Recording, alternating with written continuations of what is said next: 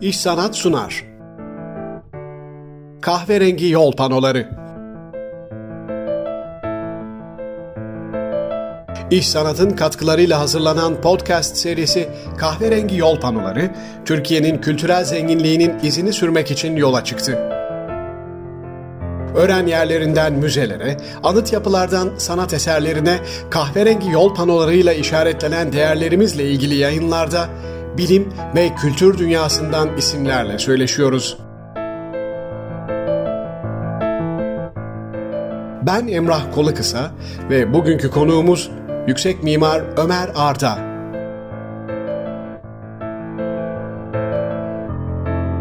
Kahverengi yol panoları başlıyor.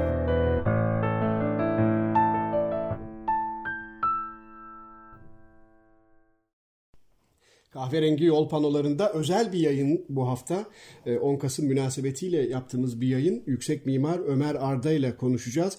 Hocam öncelikle çok teşekkür ediyorum. Kabul ettiğiniz için yayınımıza katılmayı sağ olun. Ee, hocam sizin tabii e, Ankara Büyükşehir Belediyesi'nin katkılarıyla çıkan bir kitabınız var. Anılarla Anıtkabir. Evet. E, ve burada aslında siz e, Anıtkabir'in mimarlarından biri olan e, babanızın e, anılarından yola çıkarak ve sizin de anılarınızdan yola çıkarak o zamanlar doçentmiş, doçent doktor Orhan Arda değil mi? Yanılmıyorum. Evet, evet. E, onun Emin Onat'la birlikte e, inşa ettiği Anıtkabir üzerine çok e, güzel, özel bir eser. Biraz oradan hareketle konuşacağız ama ben çok kısa bir e, giriş yapmak istiyorum biliyorsunuz 10 Kasım münasebetiyle de yapıyoruz. 10 Kasım 1938 o zaman da bu yılki gibi aynen bir perşembeye denk geliyormuş ve hemen ertesi gün e, Ulus gazetesinde Falih Rıfkı Atay yazısına şu satırlarla başlamış. Onu hemen e, aktarmak istiyorum notlarımdan.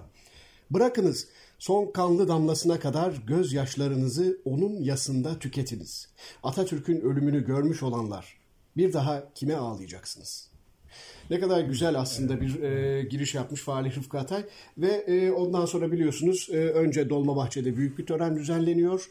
E, ve e, daha sonra inşa edilmesi planlanan bir Anıtkabir e, gelene kadar Etnografya Müzesi'nde e, Atatürk'ün naaşı evet. tahriklenerek e, saklanıyor.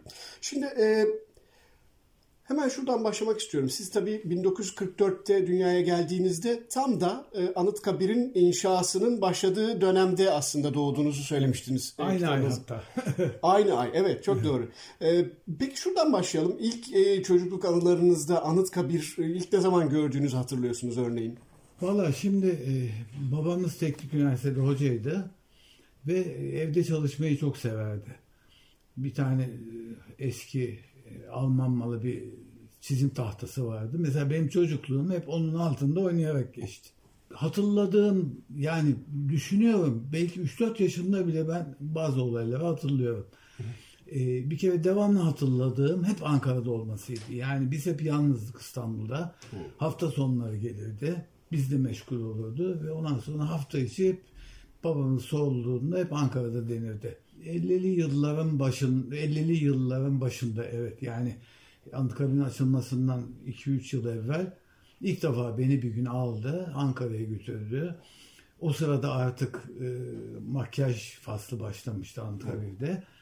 E, heykeltıraşlar eserlerini babama gösterip yerlerini tespit ediyorlardı. Bir iki atölyeye gittiğimizi hatırlıyorum ve o çocuk gözü ve kafasıyla devasa bir takım heykeller. Hele ben de çok ufağım. Benim gözümde böyle çok ulu, acayip boyutlu bir takım şeyler gördüm hep. çok güzel. Ee, işte o günden sonra e, yavaş yavaş daha da bilinçlendik. Ama bizim ailenin e, genel bir şeyi vardır. Babam dolayısıyla bizler Anıtkabir'den sonraki yıllarda çok az bahsettik. Dolayısıyla babam e, bazen çok böyle neşelendiği zaman e, bir şey hatırladığı zaman ufak ufak anekdotlar anlatırdı Anıtkabir'le ilgili. Onun haricinde fazla konuşmazdı. Evet ilginç. Ee, özel bir sebebi vardır belki onu evet. e, bilemiyorum ama peki şimdi e, 1944'te aslında temel atılıyor diyelim ve 1953'te de artık Atatürk'ün naaşı taşınıyor. Yani arada 9 evet, yıllık 9 bir süre var. Evet. 9 yıllık bir süre böylesi bir yapı için normal bir süre mi yoksa hızlandırılmış bir süre mi?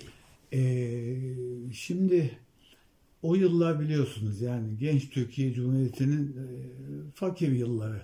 Her şey yeniden yapılıyor. Ama bir taraftan da e, İkinci Dünya Savaşı'nın hemen Dünya sonrası. Harbi'nin hemen sonrası.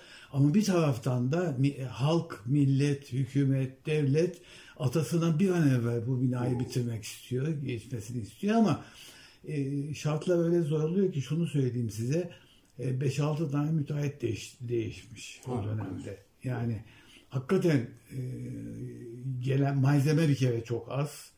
Ataya yakışır malzemeleri bulmak için bütün dünya taranıyor. Hmm. E, Türkiye'de e, bu iş hep doğal taşlarla, e, tabi malzemelerle yapılsın deniyor ama mimarlar, diğer sanatçılar bütün Türkiye'yi tarayıp en iyi malzemeleri bulmaya çalışıyorlar. Hı hı.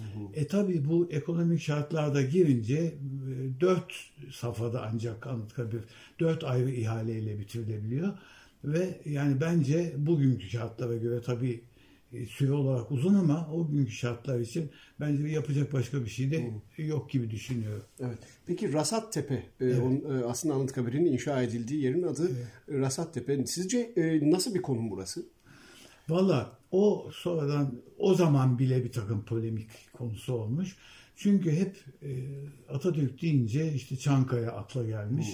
E, o zamanki bu Anıtkabir ile ilgili kurulan heyetin birçoğu şeyde e, Çanakkale'de şeyde, Çankaya'da. Çankaya'da bu işin yapılması için e, ısrar etmişler. Fakat sonra e, bakmışlar ki hakikaten Ankara'nın en iyi konumlarından bir tanesi e, ve e, o tepenin fazla yüksek olmaması yani hem anıtı ezmemesi anıtın da tepeyi ezmemesi e, optimum şartlarda çok güzel bir yer olduğuna karar vermişler ve e, Rasat Tepe seçilmiş ama e, babamın anlattığı kadarıyla o günlerde bile bayağı bir ikilem içine düşüp Tabii. Çankaya Rasat Tepe arasında bayağı gidip gelmişler. Evet. Peki proje aslında e, babanızın da imzası bulunan proje Rasat Tepe'ye göre mi e, evet. tasarlanmış? Evet. O evet. zaten belliymiş o Şöyle yani proje safhası geldiğinde daha evvel ha bir kere şunu söyleyeyim. O günkü şartlara göre çok iyi detaylı bir e, projeye ön rapor hazırlanmış. Oo. Bunu babam hep söylerdi.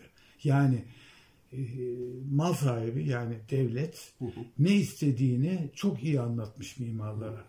E, Atatürk'ün şahsiyetini ona e, onu anlatmak için yapılacak olan e, bu binalar topluluğunda neler olması gerektiği, ne ölçüde olması gerektiği, onun yaptığı e, inkılaplarla ilgili nasıl e, uç veren bir takım e, binaların olması gerektiği çok güzel anlatılmış. Evet. Ve bütün bu yer seçimi falan bittikten sonra proje çalışmalar başlamış. Hatta hatta Rasat Tepe'nin altında antik çağa ait bir takım bulgular ve şeyler var. Hmm. Onların bile bu yüksek binaya, bu ağır bina altındaki toprağın e, o ezilebileceği, olabileceği durumlar düşünülerek daha evvelden bütün hesapları yaptırılmış proje başlamadan.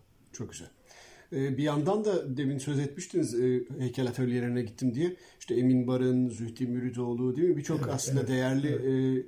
E, e, Nusret Suman birçok değerli heykeltıraşta evet, evet. E, orada gerek kabartmalarıyla gerek heykelleriyle işte Aslanlı yoldaki o 24 aslan evet. e, birçok aslında heykelde mevcut e, Anıtkabir'de. E, peki şimdi Anıtkabir aslında çok devasa bir alan. Bir e, park var e, değil mi? E, Barış 750 Parkı. 750 bin metrekarelik bir park. Evet. Müthiş. Müthiş. Evet. E, daha sonra galiba bu parkta da bir takım yeniden çalışmalar yapıldı değil mi? Şöyle, 80'li yıllardan tabii, sonra. Yani işte onu anlatıyorum. Artık e, Anıtkabir inşaatının sonu gelindiğinde artık e, hem e, o zamanki e, de hükümet hem halk artık bir an evvel atasını oraya yerleştirmek istiyor. E, gelen devlet adım, adamlarının e, etnografya müzesindeki ziyaretleri artık e, Türk milletini tatmin etmiyor. Yeterli yani. Atasını daha güzel bir buketle takdim etmek istiyorlar. Dolayısıyla biraz son dönemlerinde çok hızlı bir şekilde bazı şeyleri sonraya bırakarak Atatürk'ün naaşı Ankara'ya yerleştiriliyor. Bunlardan bir tanesi de Barış Parkı. Hmm. Barış Parkı 750 bin sonraki eklemelerle 750 bin metrekarelik bir park. tabii e, böyle bir parkın mevcudiyeti duyulunca bütün dost ve müttefik ülkeler Atatürk'ün şahsında buraya bir e, katkıda bulunmak hmm. istiyorlar. Ve her taraftan bu ile ilgili e, ağaçlar e, ve yeşil flora ile ilgili şeyler geliyor. Hmm. E, seneler sonra bu yetmemeye başlıyor tabii ve bu parkı daha da zenginleştirmek istiyorlar ve e, bugüne kadarki çeşitli tarihlerde oraya e, düzenli olarak e, Ziraat Fakültesi'nin başkanlığında bir takım ilaveler yapılıyor. Evet. Peki onu soracaktım demin e, siz anlatırken aklıma geldi. Tabii bir öncesinde bir yarışma yapılmış. Ee, ve evet. bu yarışmaya da e, yerli yabancı birçok aslında 47 tane sanıyorum evet, proje evet, başvurmuş. Evet. Ee, ama en sonunda ödül alan 3 e, proje içinde bir tanesinin e, yerli oluşu ve e, bütün bu aslında Anıtkabir'in de yansıtmak istediği değerleri de e, en iyi biçimde yansıttığı gerekçesiyle e, babanızla e, Profesör Doktor Emin Onat'ın e, projesi evet. e, kazanmış. E, Diğer projelere de baktığınızda ne düşünüyorsunuz? E, gerçekten e, atamıza yaraşır bir e, yarışma olmuş mu gelen eserler babında? Evet. bir kere biliyorsunuz yani o dönemde İkinci Dünya Harbi evveliyatı sonrası o Tam dönem o olduğu halde katılım çok fazla olmuş. Hmm. Yani hem yurt dışından hem Türkiye'den çok sayıda eser katılmış. E, samimiyetle söyleyeyim sonradan incelemelerim, babamla konuşmam, başka hocalarımızla konuşmam. Ee, Anıtkabir'de Onat Orhan Arda projesinin seçilme sebeplerinden bence en önemli iki sebebi var. Hı hı. Diğerlerinde olmayan. Bir tanesi Vasat Tepe. Tepe ama e, basık ve yaygın bir tepe. Hı. Yani çok fazla bir yüksekliği olan tepe değil. Genel topografyada Ankara'nın yüksek bölgelerinden biri ama e, mikro ölçekte baktığın zaman çok yüksek bir tepe değil. Dolayısıyla e, Onat Arda projesinde bu tepeyi ezmeyen, yatay olarak, süliyet olarak yerleşen bir proje yapılmış. Hı. Yapılan projelerin çoğu kütlesel olarak, devasa bir e, kütle olarak bu tepenin üstüne basıyor. Evet. E, o tarihlerde e, siz de bilirsiniz ikinci ulusal mimarinin etkileri var. Yani böyle devasa, anıtsal e, bir takım e, insan boyutunu ezen binalar. Burada ikinci ulusal mimariden uçlar var. Fakat dediğim gibi insan ölçeğe de kaybedilmemek istenmiş. Evet. Bence e, Onat Arda projesinin en önemli e, diğerlerinden, üstünlüklerden biri bu e, Asat Tepe'yi ezmemiz. Evet. İkinci önemli özelliği ki diğerlerinde o da yok. Diğer projelerin hepsi e, belli bir aks üstünde düzenlenmiş. Hmm. Tek bir aksta. Biliyorsunuz e, yarışmada istenen mozole dahil hı E, onun e, ek binalarıyla birlikte bir binalar kompleksi. Bu binalar kompleksi e, Rasattepe'den başlayıp kuzeydoğu yönünde bir hat üstünde e, tesbih gibi dizilen hmm. bir takım binalarla hep diğer projelerde yapılmış. Hmm. Anıtkabir projesinin özelliği bu aksa e, Aslanlı yoldan başlayıp Çankaya istikametinde devam eden ikinci bir aksın, hmm. buna dik bir aksın. 90 derece kesiyor 90 gerçekten. derece bir aksın yapılması ve bu iki akstan dolayı da e, diğer e, hacimlerin daha e, organik bir şekilde binaları sarması. Tören meydanının aslında böyle bir saran bir yapısı evet, var. Evet. Bu iki aksta tören meydanının ortasından geçen uzun ve kısa kenarını kesen ve tören meydanını belirleyen akslar olarak belirgin bir şekilde ortaya çıkmış. Evet. E, tabii 10 e, tane kule var ve bu kulelerin hepsinin de birer adları evet, var. Bilmiyorum evet. bunlar bu isimler sonradan mı kondu yoksa projede de olan isimler miydi? E, Şimdi e, yine e, yarışmadan evvel mimarlara verilen şartnamede hı hı. bunlar bahsedilmiş hı. ama tek tek kule olarak e, belirtilmemiş. Anladım. Yani Atatürk'ün yaptığı inkılaplar, Atatürk'ün meziyetleri bu isimlerle sembolize edilerek bazı yerlerde mimari olarak, mimari öge olarak kullanılması istenmiş. Bu düzenlemeyi biraz da mimarlar yapmış. Evet. Peki e, hocam 1953 10 Kasım 1953'te e, aslında onun e, taşınıp halkla kucaklaştığı gün. 10 Kasım 1953'teki o olağanüstü günde siz orada mıydınız? Oradaydım. Oradaydım. E, demek ki 44 53 9 yaşında mıymışım? 9 Bakın, 9 10. İnanın 9 yaşında olduğum halde o günü çok çok iyi hatırlıyor. E, bütün aileyi babamız Ankara'ya e, götürdü. E, kortejin olacağı e, caddelerden bir tanesinin üstünde bir apartmanın balkonunda bize hmm. yer hazırlattı ve o bütün o coşkuyu, o halkın fışkırmasını yeniden o kadar sene sonra yeni bir sanki atalarını kaybetmiş gibi hmm. üzülmelerini, ağlamalarını gayet güzel hatırlıyorum. Evet. Ee, çok kalabalıktı herhalde. Çok kalabalıktı. Aşırı kalabalıktı. Hatta e, sonradan bir takım e, başka eserlerde okuduğum kadarıyla böyle bir e, tek yeniden yapılan, tekrarlanan bir cenaze töreni bir daha dünyada olmamış. Doğru evet. evet. Gerçi aradan kaç yıl geçti yani. Evet, 53 demek ki 15 evet. Bayağı uzun bir süre sonra yeniden tekrarlanmış. Ee, ve sanıyorum sonra yine hem çocukluğunuzda hem gençliğinizde de yeniden ziyaret ettiğinizi düşünüyorum ve bu ilginin de herhalde e, tekrarlandığını gördünüz değil evet, mi hocam? Tabii tabii onu söyleyeyim.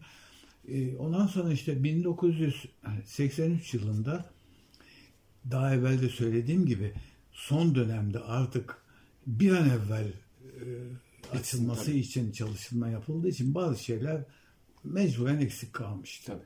Mesela Anıtkabir'in çevre düzenlemesi ve çevre e, güvenliğinin sağlanması e, tel örgülerle duruyordu. Hı. 1983 yılında Anıtkabir'e yakışır Anıtkabir'i Ankara ile bağlayan, birleştiren ve onun e, Atatürk'ün şahsiyetine uygun aynı malzemelerle bir çevre düzenleme ve duvar yapılması işi çıktı. Bunu da e, yine babam başkanlığında Teknik Üniversiteden dört tane profesörden kurulu bir heyet e, bu vazifeyi bana tevdi etti. Hı. Ve ilk defa Anıtkabir'le profesyonel olarak, mimar olarak beraberliğim 83 yılındaki bu işte başladı. Şimdi burada hemen bir şey anlatmak istiyorum Lütfen. ki e, maalesef bu konu hakikaten e, birçok çevrelerce çok az dile getiriliyor veya bilinmiyor. Hı. Anıtkabir'de gizli kahramanlardan biri Nezih Hoca'dır. Hı. Profesör Nezih Eldem'dir. Evet. Hem Anıtkabir'in ilk yapıldığı yıllarda e, İtalya ile olan ilişkilerinden dolayı e, mozaiklerde olsun, e, bronz işçilikte olsun e, o işlevi başından itibaren İtalya ile e, birlikte çalışarak yapan, detaylarını çizen, Anıtkabir'de babama emin olursa en fazla mimari yardım ve katkıyı veren Nezi Hoca'dır. Hı. Bu e, Anıtkabir'le olan beraberliği 83 e, yılında benle de devam etti bu çevre dualarından başlayan Nezih Hoca ile 30 sene belki 30 seneden fazla bir zamanı kapsayan beraberliğimizde e, Anıtkabir ile ilgili 2-3 tane önemli projeyi birlikte daha doğrusu onun müşavirliği altında ben o projeleri yaptım. Evet. E, bu çevre duvarı projesi 83 yılında e, yapıldı. Ondan sonra 1992 yılında Biliyorsunuz 1974 yılında İsmet İnönü vefat ettiği zaman evet. yine bir e, bakanlar kurulu kararıyla derhal Anıtkabir'de e, fazla polemiğe yer vermemek için çok süratli bir şekilde Batı Verakı dediğimiz Mozole'nin tam karşısındaki e, iki kule, dört kule arasındaki grubun ortasına Batı Verakı'na aşağıda yerleştirilmişti. Fakat tabii o günkü şartlarla bulunduğu yer, etrafındaki e, muhafız alayı, muhafız bölüğünün mezar odasına çok yakın olması bir takım dezavantajlar o gün haklı olarak düşünmemişti. Hı. 93 yılında e, hükümet ve aile İnönü'ye de yakışır bir şekilde e, oranın yeniden ele alınmasını istedi. Ve yine Nezih Hoca'nın müşavirliğinde ben bir e, İnönü Kabri projesi ve müzesi diye hı hı. ikinci bir proje yaptık. İsmet İnönü Lahti de aslında evet. orada İsmet İnönü Lahti o alttaki mezar odasının üstünde e, tören alanının batı verakı dediğimiz verakın tam ortasında e, mozoleye bakan şekilde üstte duruyor. Onun altında alt bölümde e, mezar odası, müze ve e, ziyaretçilerin oturacağı salon var. Tabii zaman içinde bazı şeyler, bazı bölümlerin yıpranması kaçınılmaz. Mesela e, ilk e, 33 metrelik o bayrak direği de aslında değiştirildi. Evet. Fakat bir yandan hala o bayrak orada, direği de orada e, yatay bir şekilde sergileniyor. Sergileniyor, evet. Evet. Peki e, şimdi babanız e, tabii bu projede e, yine Emin Onat'la birlikte adını da analım. Hazırlanırken bütün o kendisine verilen işte o milli değerler, Atatürk'e ait değerler, Atatürk'ün inkılapları bütün bunları tabii çok iyi özümsemiş. Biraz bahsedelim mi? Selanik doğumlu değil mi sizin de babanız? Evet, babam Selanik doğumlu. Evet. keza dedeniz demin anlatıyordunuz. Şöyle söyleyeyim. Dedem Lofça doğumlu. Lofça. Evet. Ama e, e, İttihat Terakki'nin önemli e, zatlarından bir tanesi. E, dedem e, hayatı boyunca askeri tarafı değil hep politik yönüyle yardımcı olmaya çalışmış İttihat Terakki'ye ve Atatürk'e. E, dahiliye nazırlığı yapmış. Hı hı. E, Çanakkale, Gelibolu bölge valiliği yapmış. Hatta bilmiyorum e, o şeyi anlatayım size anekdotu. Lütfen. Onu kolay kolay kimse bilmez. Hı hı. E, Atatürk Çanakkale savaşları sırasında e, cephedeyken dedem Gelibolu Edirne bölge valisi. Hı. O sıralarda e, partiyle ilgili Atatürk'le ilgili bir e, konular var. Bu konuların açığa çıkarılması Hatta açıkçası biraz da ara bulucu olarak dedemi e, Atatürk'ün yanına göndermek istiyorlar. Ve dedem bölge valisi olarak cepheye ziyarete gidiyor. Hı hı. O ziyaret esnasında tabii esas komutan Liman von Sanders olduğu için Liman von Sanders'le görüşüyor. Arkasından e, Atatürk'le kucaklaşıyor. Ve o günün anısına e, Liman von Sanders dedeme bir tüfek hediye ediyor. Hı. Bu tüfek e, Anzaklar tarafından yapılan çıkartmada ilk esir alınan Anzaklardan birinin tüfeği. Hmm. E, bunu Atatürk tabii bu tüfek esir alınınca Kemal yerinde Atatürk'e getirilmiş. Hmm. Atatürk bunun kabzasının bir tarafına e, altın çivilerle kendi o zamanki imzasını hmm. yani Turalı imzasını atıyor. Hmm. Kemaliyev'e 1915-16 yazıyor e, ve Liman von Sanders'e hediye ediyor hmm. cephe komutanına. Cephe komutanı da dedeme diyor ki bu e, kıymetli hatıranın Türkiye'de kalması lazım diyor. E, bu Kemal Bey bana hediye etti ama diyor bunu da ben size diyor bugün anısı olarak hediye etmek istiyorum diyor. Ve kabzanın öbür tarafına bu sefer Liman von Sanders çiviyle kendi imzasını attırıyor tarihi yazıyor dedeme hediye ediyor. Hala ailede o zaman. E, ben de o. Ben de. Ha, çok güzel. Hatta çok güzel. E, iki sene evvel Çanakkale'deki müzede istediler. Bir buçuk iki sene orada kaldı. Sergilendi. Orada sergilendi. Ama sonra yine geri aldım.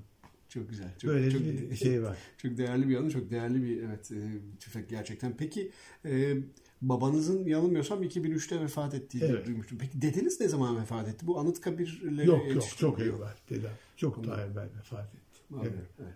E, ama e, belli ki e, ailede aslında bütün o bilinç e, çok evet. önceden beri gelişen. E... Şimdi dedemin e, hukuk tarafı çok. Hmm. Hukukçu tarafı çok. Evet. E, Atatürk e, milli mücadele bittikten sonra e, biliyorsunuz Fransızlarla ilgili kapitülasyonlar vardı. Hı hı. Dedemi kapitülasyon mahkemeleri reisi yapıyor. Ha. Yani dedem bütün o kapitülasyonlar konuşmaları sırasında e, Türkiye Cumhuriyeti adına hukuki e, danışmanlık yapıyor. Evet o da çok önemli bir görev evet. çünkü kapitülasyonlar dediğiniz gibi. E, peki daha sonra tabii e, Adıt Kabir'le ilgili sizin yaptığınız birçok çalışma e, oldu muhakkak ama e, hem babanızın hem sizin e, hep Anıtkabir mimarı olarak mı anıldınız e, yoksa başka bir e, yani bu sizde nasıl bir şey yaratıyor? Şöyle anlatayım. Babam özetle imzasını atarak hiç ve Anıtkabir'in dışında hiçbir mimari projeye imza atmadı. Hmm. Ee, ilk zamanlar tabii genç delikanlıkta hatta ilk ben akademiye girdiğim zamanlar e, onu merak ettim ve sordum. Dedim baba niye yani bu kadar kıymetli bir mimarsınız e, niye girme? E, o zaman anlattı. Dedi ki oğlum dedi Emin Onat'la bu iş bittikten sonra hı hı. E, oturduk. Emin Onat Hoca bana dedi ki dedi biz başa güreştik. Artık baş pehlivanlığa çıktıktan sonra bir daha pehlivanlık yapılmaz. E, ben buna uydum. Ama gerisini bilmiyorum dedi ve biraz gülümsedi. Güzel, ilginç bir düşünce ama doğru bir yandan da. Evet ve ondan sonra ancak işte ailemize yakın insanların bir takım projeleriyle ilgilendi. Ee, kız kardeşimin kocasının projelerine baktı. Bana yardımcı oldu ve çok iyi bir hocaydı. Yani e, onu babam olduğu için söylemiyorum. Sonra mimar arkadaşlardan da dinledim. E, Teknik Üniversitede hocalığı sırasında e, hakikaten çok kıymetli talebeler yetiştirdi. Evet muhakkak. Ee, hocam tabii biz 10 Kasım'dan birkaç gün önce bu kaydı alıyoruz ama e, tesadüf diyelim e, ben 10 Kasım'da Ankara'da olacağım. Evet. Ve e, planımda yine e, 10 Kasım'da aslında Anıtkabir'i ziyaret etmek. Çok da kalabalık olacağını tahmin ediyorum. Evet. E, siz e, Anıtkabir'in girdisini çıktısını e, her köşesini az çok hepimizden iyi bilen biri olarak. O gün e, ben oraya gittiğimde neye dikkat etmemi önerirsiniz özellikle? Şimdi aslında bu kitabı yapma sebebim de oydu ama hı hı. Maalesef yine çok detaya girdiğimiz için bu kitabın halka ineceğini tahmin etmiyorum. Hmm. Onun için hemen burada bir tırnak içinde şunu söyleyeyim. Anıtkabir ile ilgili bir gezi çok özet halinde bir gezi kitapçığı da hazırlıyoruz ayrıca şimdi. Aa, çok güzel. Evet. Çünkü çok güzel bir noktaya temas ettiniz. E, halk atasına gidip onu ziyaret etmek, e, dolaşmak istiyor ama öyle şeyler görüyor ki yani bunları ona birisi onun anlatması Anlat, lazım. Doğru. Yani bir bakıyor bir takım heykeller, kimisi ağlıyor, kimisi gülüyor. Meleğe benzeyen bir takım şeyler var. E, o yürüyüş Aslanlı Yol, Aslanlı Yol'dan sonraki e, şey size mesela şöyle hemen bir kurgu yapayım. Tabii. E, Aslanlı Yol'un taşlarının arasındaki yeşilliklerin olması bile düşünülmüş. Hmm. Yani e, o zaman demişler ki öyle bir şey yapalım ki bir kere bu 262 metrelik bir yolda hı hı. E, kortej halinde ataya gelenler önce bir hizaya girsinler. Ha, güzel. Yani önce bir kendilerini bir toplasınlar. bir. İki, e, yollardaki bu derzlerdeki yeşillikler dolayısıyla e, yürürken dikkat etmeniz gerekiyor. Yani yola bakmanız gerekiyor. Hı hı. Anıtkabir bloğuna yaklaşana kadar dikkatlerini yola versinler Anıtkabir bloğu gelir yani ol, e, göndüğü anda birdenbire o kütle çıksın ki o ihtişam onlara tesir etsin. Çok güzel. Mesela orada dikili olan e, ağaçlar babama ondan sonra da bana çok tenkit etmişlerdi. Ya işte hocam niye o tarafa hep ağaç dikilmiş gelirken Anıtkabir göremiyoruz. Hmm.